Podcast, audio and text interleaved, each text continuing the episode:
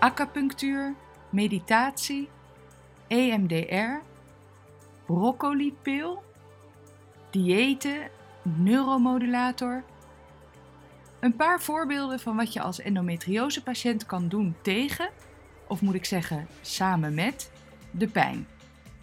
Na of naast een hormoonbehandeling of operatie. Ik ben Lisette Hamming en ik ben door Libresse gevraagd om twee podcasts te maken over endometriose. Endometriose. Tussen de 2 en 10 procent van de vrouwen loopt ermee rond, maar ik had er nog nooit van gehoord. De eerste podcast over endometriose gaat dan ook over wat endometriose is en over het stellen van de juiste diagnose. Deze tweede podcast gaat over het omgaan met endometriose na de diagnose. Wat is pijn eigenlijk en werken alternatieve geneeswijzen?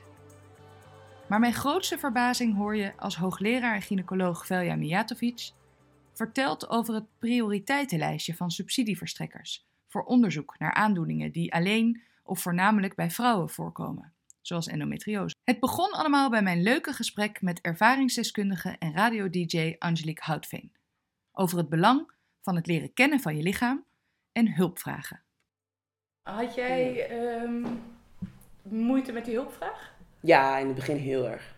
Heel erg. Want ik hou ervan om alles zelf te kunnen doen en regelen. En dat je opeens afhankelijk wordt. En echt iemand gewoon voor kleine dingen vooral. Van, hey, zou je wat boodschappen voor mij kunnen doen? Want het lukt niet om naar de supermarkt te gaan. Dat, daarvan dacht ik wel van, jeetje, wat ben ik nou voor zwak persoon geworden? In het begin, hè. Nu weet ik gewoon, dat hoort erbij. En ik weet dat ik vrienden daar zelfs blij mee maak als, ze dan, als ik ze om hulp vraag. Want ja, dat is vriendschap ook. Ik zou het aan de andere kant dus heel erg vinden als een vriendin van mij ziek is. En ik heb gewoon tijd en ik heb zit thuis. En, en zij zit te struggelen naar de supermarkt. Terwijl ik weet, ik kan je gewoon helpen. Ik zou me bijna beledigd voelen als zij mij dan niet om hulp zou vragen. Dus zo ging ik erover nadenken. En toen dacht ik, ja, dan moet ik dat ook doen. Dan moet ik ook hulp gaan vragen. Maar eerst een zeer gemeende en voor mij en de anderen die in deze podcast zult horen, belangrijke disclaimer. Iedereen die ik heb geïnterviewd heeft bijgedragen zonder daarvoor betaald te krijgen. En Libresse heeft zich niet met de inhoud bemoeid. Endometriose is, zo leerde ik bij het maken van de eerste podcast, een chronische aandoening. Dat betekent dat het nooit helemaal weggaat. En in deze podcast ga ik uitzoeken hoe je dat doet. Hulp vragen en tot zelfinzicht komen. Als het gaat om pijn en leven met de diagnose. Want Angelique gaat dat best goed af als ik haar zo beluister. Maar dat is niet iedereen gegund en bovendien heeft zij op het moment ook geen pijn meer. Haar operatie is achter de rug en de hormonen die ze nu slikt helpen goed. Toen ik na mijn interview met haar mijn spullen pakte, vertelde ik haar dat ik voor deze podcast ook een gynaecoloog inspreek. En ik vroeg haar wat zij wilde dat ik hem zou vragen. Ze zei naar waar wetenschappers en onderzoekers op dit moment mee bezig zijn. Wat gaat er in de toekomst mogelijk zijn? Ze vroeg dit, denk ik, ook omdat zij op termijn best wel van die hormonen af zou willen. Maar zij weet nu nog niet wat haar dan te wachten staat. Dus ik vraag aan hoogleraar en gynaecoloog Velja Mijatovic, hoofd van het endometriosecentrum van het Amsterdam UMC, hoe het met onderzoek naar endometriose en de behandeling van endometriose gesteld is. Nou, wat, wat, wat, wat we tegenkomen als, uh, als wetenschappers uh, en onderzoekers uh, met dit ziektebeeld is dat het relatief nog steeds moeilijk is om fondsen te, te verkrijgen voor onderzoek. Het ziektebeeld endometriose wordt vaak door subsidiegevers in Nederland, maar ook internationaal, um, niet op een hele hoge prioriteitenplaats plek geplaatst. Waardoor wij keer op keer moeten aantonen hoe relevant het is voor vrouwen en wat de impact daarvan is enzovoort. Daarbij moeten we concurreren met andere ziektebeelden uh, die, die veel meer geaccepteerd zijn maatschappelijk en in, in, als bedreigend, zoals kanker, ziekte van Alzheimer, hart- en vaatziekte enzovoort. Um, dus, dus dat, dat, is, dat is best een uitdaging. Um, Speelt het feit dat het om vrouwen gaat dan op een of andere reden een rol? Ja, ik denk dat, uh, dat het een, uh, voornamelijk een, een, vrouwenziekte is. En nog meer exclusief een vrouwenziekte is. Maakt wel uit, denk ik. Dus dat is denk ik iets wat subsidiegevers uh, waarschijnlijk niet heel gemakkelijk zullen toegeven. Maar we leven toch in een maatschappij die weliswaar steeds meer emancipeert. Maar toch in, nog in de, in de kern heel erg is gebaseerd op mannelijke waarden. En als je een ziektebeeld hebt dat, niet, dat, dat vooral exclusief bij vrouwen voorkomt en niet zozeer bij mannen, enkele uitzonderingen daar gelaten, ehm, kom je denk ik wel op een terrein waar nog wel wat emancipatie nodig is. Wacht even. Als je de eerste podcast hebt geluisterd, weet je, ik moet soms even op pauze drukken. De hoogleraar en gynaecoloog vertelt mij hier dat onderzoek naar ziekten die alleen vrouwen treffen lager op het prioriteitenlijstje van subsidiegevers staat. Ik vraag de gynaecoloog daarom naar deze stem van de vrouwen met endometriose. Hij vertelt mij over de Endometriose Stichting, een patiëntenvereniging, maar dan gegoten in een stichting die de belangen van vrouwen met endometriose behartigt. De Endometriose Stichting, zoals iedere andere uh, patiëntenvereniging, speelt een zeer belangrijke rol. Ehm, en het voordeel van de afgelopen tien jaar is, is dat wij in een tijdsgewicht leven waarbij dus de, stem van de patiënt als steeds belangrijker wordt gevonden. Dus ook inderdaad subsidiegevers willen heel graag horen uh, als je een subsidieaanvraag doet, dat de patiënten daarin meegenomen zijn. En dat het ook het, het, zeg maar het onderzoeksvoorstel wat je indient, dat het dus ook wordt gedragen door de patiënten. Ja, de stem van de patiënt is heel belangrijk, wordt ook steeds meer gehoord. En um, nou, concreet, in mijn werk trek ik al jaren op met de Endometriose Stichting. En uh, steeds meer en meer hebben we ook succes. En uh, hebben we ook uh, wat dat betreft ook gezamenlijke onderzoeksprojecten. Waarbij we dus ook de, de vruchten daarvan kunnen plukken. Oké, goed nieuws. Want als de stem van de patiënt steeds belangrijker wordt voor subsidieverstrekkers en onderzoek naar endometriose laag op het prioriteitenlijstje staat, moet hier dus geluisterd worden naar vrouwelijke patiënten met endometriose. Ik besluit om contact op te nemen met de Endometriose Stichting. Ik ben benieuwd naar de mensen achter deze patiëntenvereniging. En ik bel met Bianca de Bie, voorzitter van de stichting, en ik besluit bij haar langs te gaan in Sittard Geleen in Limburg. De stichting blijkt gevestigd aan het adres van Bianca haar eigen huis. Aan dezelfde keukentafel als die waar wij aan zitten tijdens het interview, werd in 2002 door vier vrouwen met endometriose de Endometriose Stichting opgericht. Waar aanvankelijk de gesprekken met endometriosepatiënten namelijk vooral gingen over fertiliteit, vonden zij het gek dat er niet ook meer informatie was over de pijn die erbij komt kijken.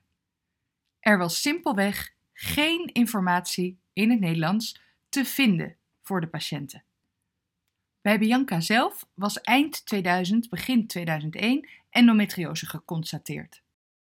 Het was voor mij een sticker op wat ik dan eindelijk had. Uh, maar het frustreerde me ook dat ik daar geen informatie over uh, kon vinden. En ik ben daar wel uh, iemand in van ja, daar wil ik dan verandering in brengen. Um, en al heel snel kreeg je daar ook een aantal artsen in mee. Die hadden zoiets van, ja, dit klopt eigenlijk wel. Voor patiënten die endometriose hebben, is weinig informatie en daar zou wel iets in, in moeten veranderen. Dat was dus in 2002.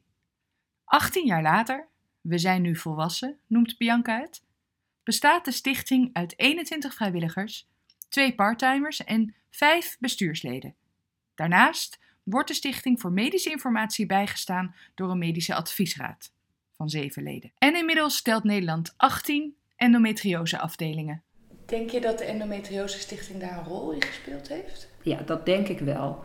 Uh, ik wil niet zeggen dat we alles daarin uh, hebben uh, gedaan. Ik zie wel dat de afgelopen, nou, dan neem ik het even, de afgelopen 20 jaar veel meer aandacht voor de aandoening is gekomen. Niet alleen in Nederland, maar ook wel wereldwijd stem van vrouwen is daar toch wel krachtiger uh, in, geworden. Vroeger werd er wel eens gezegd als dit een mannenziekte was, dan was er al lang een oplossing voor geweest. En nu, uh, ja, ja het, werkt anders, jouw lijf werkt anders en daar moet gewoon meer aandacht voor zijn. En door die aandacht toen te gaan vragen als endometriose stichting, ja, kwam er langzamerhand steeds meer aandacht uh, binnen de gynaecologie voor endometriose. En dat heeft er, ik denk nu een jaar of tien geleden ook wel toe geleid dat binnen de uh, vakgroep gynaecologie ook uh, een aandachtsgebied endometriose gekomen is. Dus ook op professioneel gebied. En die aandacht die wordt wel steeds, uh, steeds beter en steeds meer. Bianca is terecht hartstikke trots op de stichting en wat de stichting bereikt heeft. De stichting verzamelt, verspreidt en draagt bij aan het genereren van onderzoek naar en informatie over endometriose. Door de gesprekken met gynaecoloog Mijatovic weet ik dat ook de technologische ontwikkelingen van de afgelopen 10, 15 jaar een belangrijke rol hebben gespeeld in het vergaren van informatie over endometriose. Het is nu, zo vertelde hij mij, gewoon dat er, indien gewenst, een echo wordt gemaakt in de spreekkamer van de gynaecoloog. Ook de ontwikkeling met betrekking tot de MRI-scan en kijkoperaties hebben bijgedragen aan wat in 2020 bekend is over endometriose. En hij vertelde mij over een onderzoek dat een goed voorbeeld is van de technologische ontwikkelingen in de medische wereld en zeer waarschijnlijk zeer binnenkort zal worden gestart. Dit onderzoek is gericht op het behandelen van de pijn waar endometriose-patiënten last van kunnen hebben. Die pijn, zo legt hij me uit, kent vele vormen. De endometriose-ontstekingen in het buikvlies zelf kunnen flinke pijn doen, legt hij me uit. Maar hij vertelt ook over een pijn waarvan ik niet wist dat het bestond. Je moet je realiseren, het is een best wel ingewikkeld verhaal. Je kunt uh, zenuwschade oplopen door een ziektebeeld als endometriose. Dat kan zijn door uh, het ziektebeeld zelf, door de operaties enzovoort. Dus en die beschadiging van die zenuwen geeft continu een signaal naar die hersenen dat je voelt als pijn. En het kan zelfs zo zijn dat er op een bepaald moment ook helemaal geen endometriose meer is, maar dat je toch die chronische pijn ervaart. En het beste voorbeeld misschien wat tot verbeelding spreekt als je dit hoort, is bijvoorbeeld de fantoompijn bij mensen die geen, uh, geen arm of been meer hebben, dat, dat afgezet is dus. Die kunnen toch dat been voelen, dat noemen we fantoompijn. En dat heeft te maken met de zenuwuiteinden in zo'n stomp, die dan toch um, dermate veel signalen kunnen zenden naar je hersenen, dat je dan het gevoel hebt alsof het been er nog steeds is. Dat, dat speelt waarschijnlijk ook bij heel veel mensen met chronische pijnklachten, ook bij endometriose. En door bijvoorbeeld de zenuwuiteindes te behandelen met zo'n apparaat, kunnen we daar wellicht verlichting in bieden. Bedoel je te zeggen dat er eigenlijk geen pijnaanleiding is in dit? Ja, het kan zo zijn dat je op een bepaald moment als je langdurig endometriose hebt gehad, veel pijn hebt gehad, je hebt een aantal operaties gehad, dat je op een bepaald moment kan zeggen van ja, we hebben eigenlijk geen duidelijke, uh, duidelijke verklaring voor de pijn meer. Je kunt bij MRI's, bij kijkoperaties geen duidelijk endometrioseweefsel meer vinden, maar toch kunnen mensen nog steeds de erge pijn voelen die ze altijd hebben gevoeld. En dat komt doordat uh, dan bijvoorbeeld in de buik, hè, als het gaat over buikpijnklachten, in de buik dermate veel zenuwen zijn beschadigd, dat je dat gewoon voelt als een continue irritatie. Een het continue geen- pijn. Het zijn dus geen aanstellers. Het is, niet, Nee. het, zit, het is geen onzin, het zit tussen je oren dan. Nee. Het is Dit is fysiologisch. Het is, het is nee, het is niet fysiologisch. Het, Ah, is dus een, neurologisch. het is dus een resttoestand na een doorgemaakt ziektebeeld. Je moet je wat je voorstellen, is, er heeft een bosbrand eh, is er geweest. En op een bepaald moment eh, heb je een, een afgebrand bos. Dan is er dus geen bos meer. Maar de, de, de destructie is, is door de brand behoorlijk. En onderliggend eh, is er dus veel schade ontstaan. En dat is ook het geval in het lichaam. Ehm, Zo'n ziektebeeld als endometriose kan een enorme bosbrand geven in je buik. En dat kan dus zenuwen beschadigen, die dan blijvend eh, signalen naar je hersenen sturen van dat er een probleem is. Maar eigenlijk is dat probleem er niet meer. Maar dat, is, dat komt door de schade aan de zenuw zelf.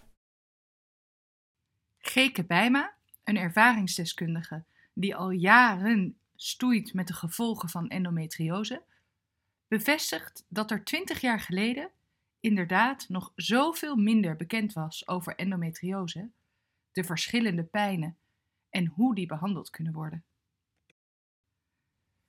Bij Geke begon de pijn toen ze elf jaar was en voor het eerst ongesteld werd al. Tijdens elke menstruatie had ze heel veel buikpijn. Op haar dertiende ging ze daarom al aan de pil, op advies van de huisarts. En ze kreeg veel medicatie tegen de pijn. Toen ze 27 werd, wilde zij en haar man, die zij op haar zestiende al had ontmoet, graag een kind. Ze ging soms bijna van haar stokje door de buikpijn en ook haar darmen werkten niet goed meer.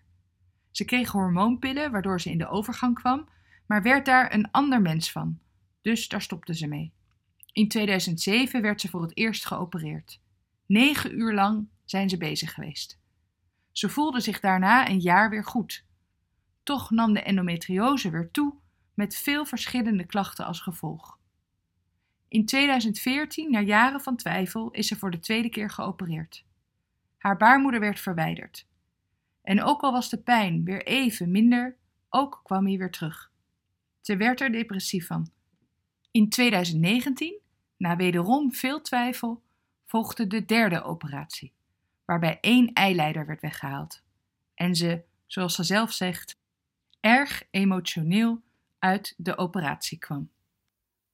Ik wilde sterk zijn. Ik wilde mij niet zwak voelen. Ik wilde gewoon sterk zijn. En door de pijn en door uh, die operaties en, en dat het me doorging, had ik het gevoel dat ik, dat ik zwak was. En dan is het moeilijk, dan word je een beetje depressief en dan is het moeilijk uh, om echt je daartoe te zetten, om de dingen te doen waar je echt blij van wordt. Want ik wilde het niet. Ik wilde het niet zijn. Ik wilde het niet hebben. Dus je gaat door en door en door met werken en met uh, ja, vrouw zijn, met moeder zijn. Nu probeer ik mezelf wel serieus te nemen en nu, nu probeer ik wel een balans te vinden in het leven. De dochter van Geke en haar man is inmiddels 17 jaar. Toch zijn ook de gevolgen van de endometriose voor het gezinsleven en Geke zelf niet altijd even makkelijk. Nou, het maakt me verdrietig als mijn man zegt: Ik had graag meer kinderen willen hebben en ik kon hem dat niet geven. Dat maakt me ook dat ik minder, misschien mij wel minder vrouw voel, omdat die baarmoeder er niet meer is. Hij snapt het soms ook niet en ik moet hem ook dingen uitleggen. Uh, maar hij is wel heel erg met mij, gaat met mij naar het ziekenhuis en, hij is wel heel erg betrokken bij alles wat ik meemaak. En, uh, maar dat stukje van mezelf vinden, dat stukje heling, dat is puur een stukje van mezelf.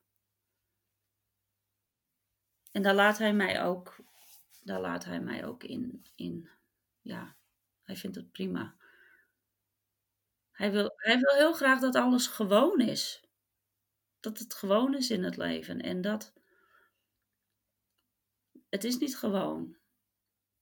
Ik leg het bij mijn man neer en misschien wil ik dat hij met een oplossing komt. Maar die oplossing heeft hij niet. En die moet ik zelf uh, vinden. Nu heeft ze nog steeds pijn. Bukken, tillen, lang op haar benen staan, het gaat niet. Sinds de operatie vorig jaar werkt ze dan ook niet meer. Ze werd voor de pijn doorverwezen naar een pijnkliniek. Daar is ze gekoppeld aan vier specialisten: een gynaecoloog, anesthesioloog, bekkenfysiotherapeut en een psycholoog. Gelukkig heeft Geke inmiddels erg veel baat bij de EMDR-therapie en de gesprekken met haar psycholoog, die ze via de pijnkliniek heeft leren kennen.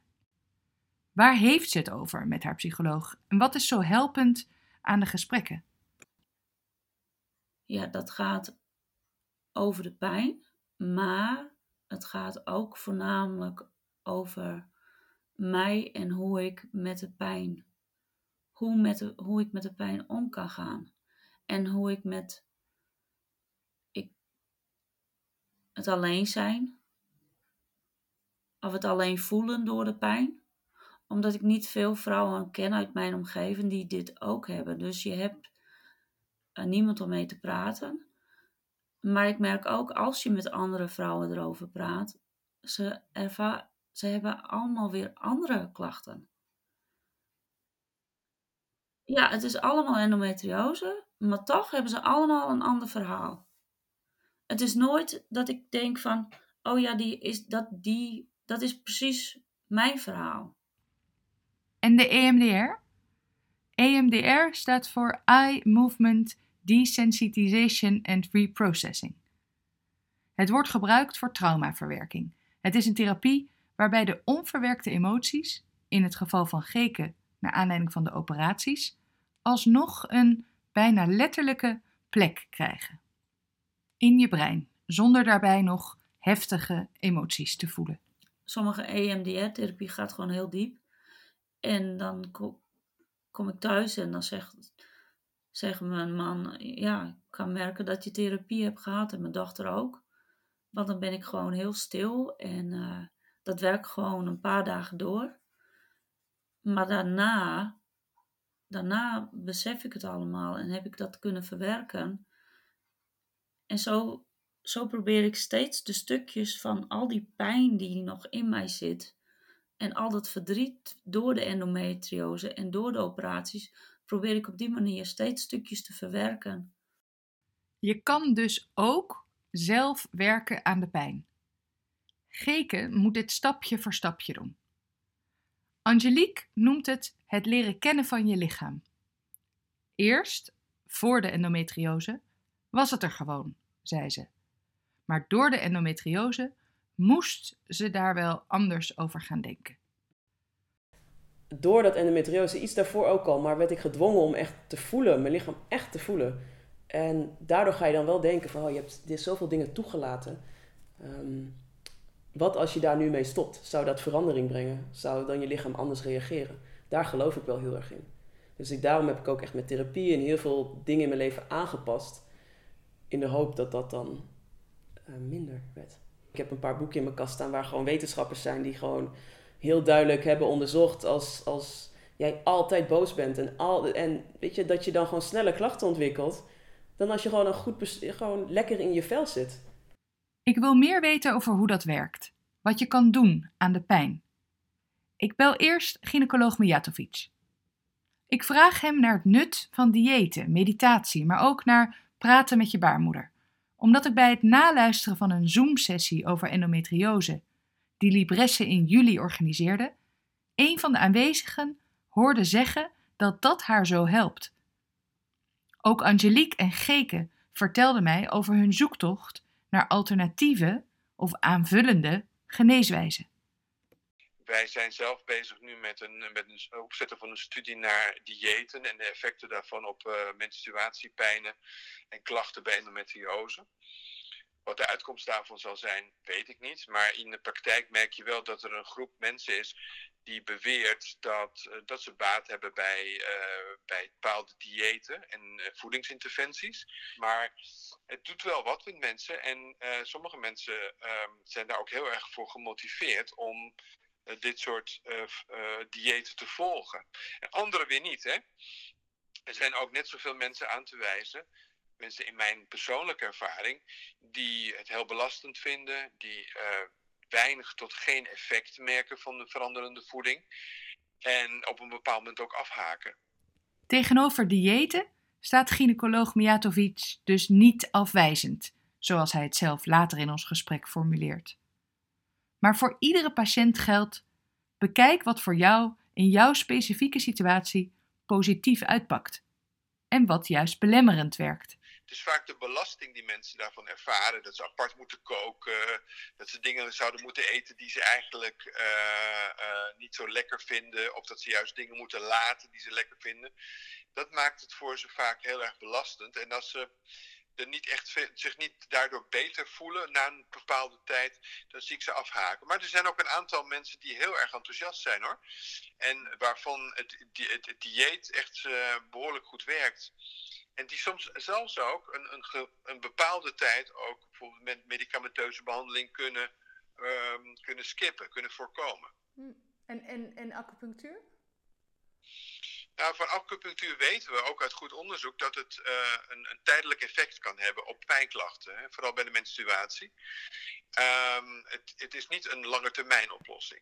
Gynaecoloog Mijatovic legt uit dat het vanuit de westerse medische wereld natuurlijk moeilijk te verklaren is hoe acupunctuur precies werkt.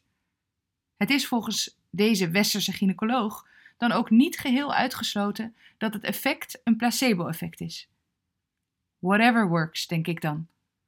Als het onderaan de streep meer positieve effecten dan negatieve oplevert. En praten met je baarmoeder?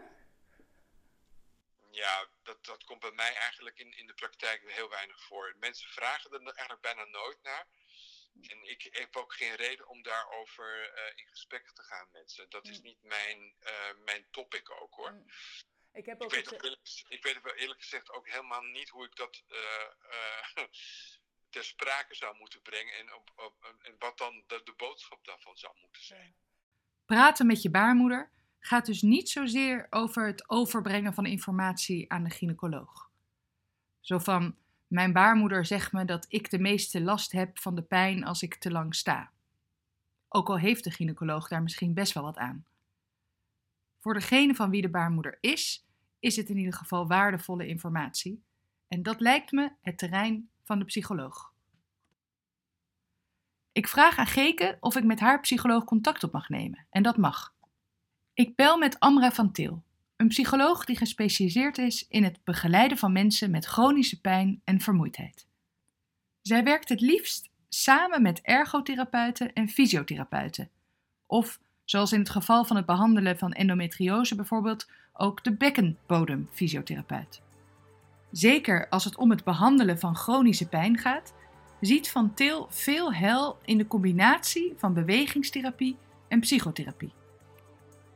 Veel mensen met pijn die zijn, hebben de neiging om te gaan vermijden. Om de dingen niet meer te doen die ze voorheen wel deden. Omdat, je, omdat de beweging bijvoorbeeld pijnlijk is. Ja, dan is een natuurlijke reactie van ons, is, nou dan gaan we dat niet meer doen. Terwijl op korte termijn is dat heel effectief. Maar op de lange termijn is het juist, zorgt het voor ja, weer inactiviteit. En dat doet dan weer slecht voor je conditie. En als je een slechtere conditie hebt, dan kan, is ook je pijn weer meer toenemen.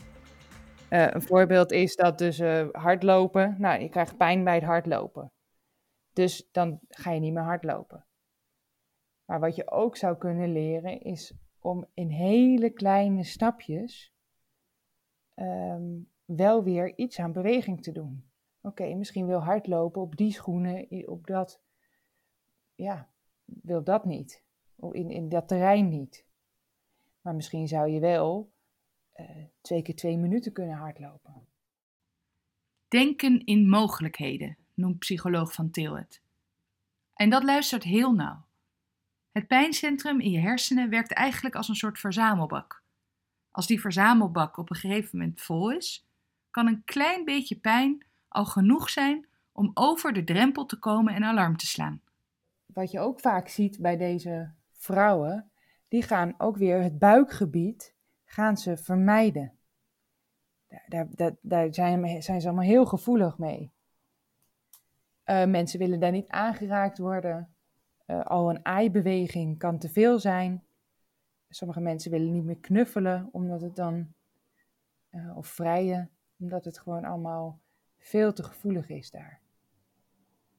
Maar ook een per ongelukke aanraking van een kind of van een huisdier kan dan als heel heftig worden ervaren.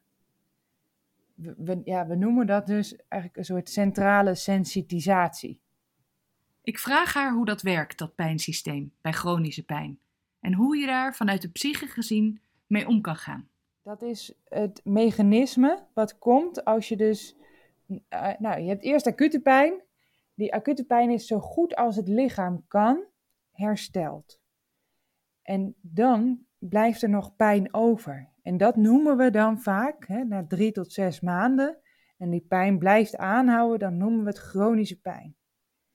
En bij chronische pijn is dus een, een onderdeel daarvan, is die centrale sensitisatie. Dat dat gebied veel gevoeliger is. Het is alsof dat alarmsysteem in je brein nog steeds aanstaat. Die denkt nog steeds van hé, hey, daar is daar gevaar. Er was een paar maanden geleden was daar gevaar en dat is er nog steeds. Dus elke keer bij een hele zachte aanraking in dat gebied, gaat die drempel waar ik het over had in je brein, die gaat eigenlijk direct weer, ehm, ja, die, het gaat direct weer die drempel over. En er wordt er dus weer pijn geproduceerd. Eigenlijk is het een mechanisme die, ervoor, die er bij acute pijn voor zorgt dat wij kunnen overleven. Maar bij chronische pijn dus eigenlijk een soort te sterk is afgesteld. Psycholoog Van Til legt mij ook uit dat stress een instandhoudende factor is bij chronische pijn. Hoe meer stress, hoe meer pijn. Er zijn eigenlijk instandhoudende factoren. Hè? Hoe kan het dat bij de ene persoon ehm, de pijn in stand blijft? Dus dan is er acuut iets gebeurd, zoals een operatie, en dan blijft de pijn. Maar bij een ander, na een acute situatie als een operatie, dooft die pijn weer uit. En ja, wat we tot nu toe weten, is dat dat te maken heeft met bepaalde instandhoudende factoren. En dat gaat ook over stress. Had je veel stress ten tijde van het ontstaan van de pijn? En heb je nu op dit moment veel stress? Veel mensen die stress ervaren, dan wordt de pijn ook erger. Nou, bij heftige emoties zien we ook vaak dat mensen meer pijn hebben. En bij meer pijn levert natuurlijk weer heftige emoties op. Uh, dus zo kom je in een bepaalde ja, cirkel. Ook een stukje een cirkel van, nou ja, waardoor die inactiviteit bijvoorbeeld ook heel logisch is. Dus het is niet zozeer dat het alleen maar een. Ik bedoel ook nooit te zeggen dat het een psychische ziekte is of dat de pijn in het brein zit. Uh, of in je hoofd zit, hè, puur mentaal is. Nee, want er is echt iets aan de hand. Zeker met endometriose. Er is daar wel nog steeds iets gaande. Er zijn wel dingen die wij kunnen doen, die wij ook mentaal kunnen doen, om bijvoorbeeld medische ingrepen, of zoals medicatie, beter te laten werken. Dat is eigenlijk effectiever zijn. Je kan dus zelf die cirkel van inactiviteit gaan doorbreken. Emoties, stress, hantering van je gedachten spelen daarbij een rol. Waarbij, zeker als het gaat om de baarmoeder en endometriose, ze in haar praktijk allerlei trauma's tegenkomt. Je bent vaak al veel verloren door die chronische pijn. Soms letterlijk je baarmoeder, zoals bij Geken. De neiging om je terug te trekken en binnen te blijven wordt dan groter. Soms raken mensen in je omgeving ook ongeduldig. Heb je nou nog steeds die pijn? Legt ze uit. Dat maakt het niet aantrekkelijker om erover te praten, waardoor je nog meer in een isolement raakt. En somberheid komt net als andere negatieve emoties en stress je pijn niet ten goede. Wat ik leer van de psycholoog maakt de lijst met voordelen van je uitspreken nog langer. Het voorkomt dat je in een isolement raakt. Het helpt bij het stellen van de juiste diagnose en bij het opstellen van het juiste behandelplan, maar ook bij het omgaan met de pijn en zelfs bij het verminderen van de pijn zelf. Heel veel dank voor het luisteren en dankjewel Eva van den Broek, Angelique Houtveen, Velja Mijatovic Bianca de Bie, Geke Bijma en Amra van Til voor jullie bijdrage. En Maartje Willems voor de montage. Hopelijk tot de volgende!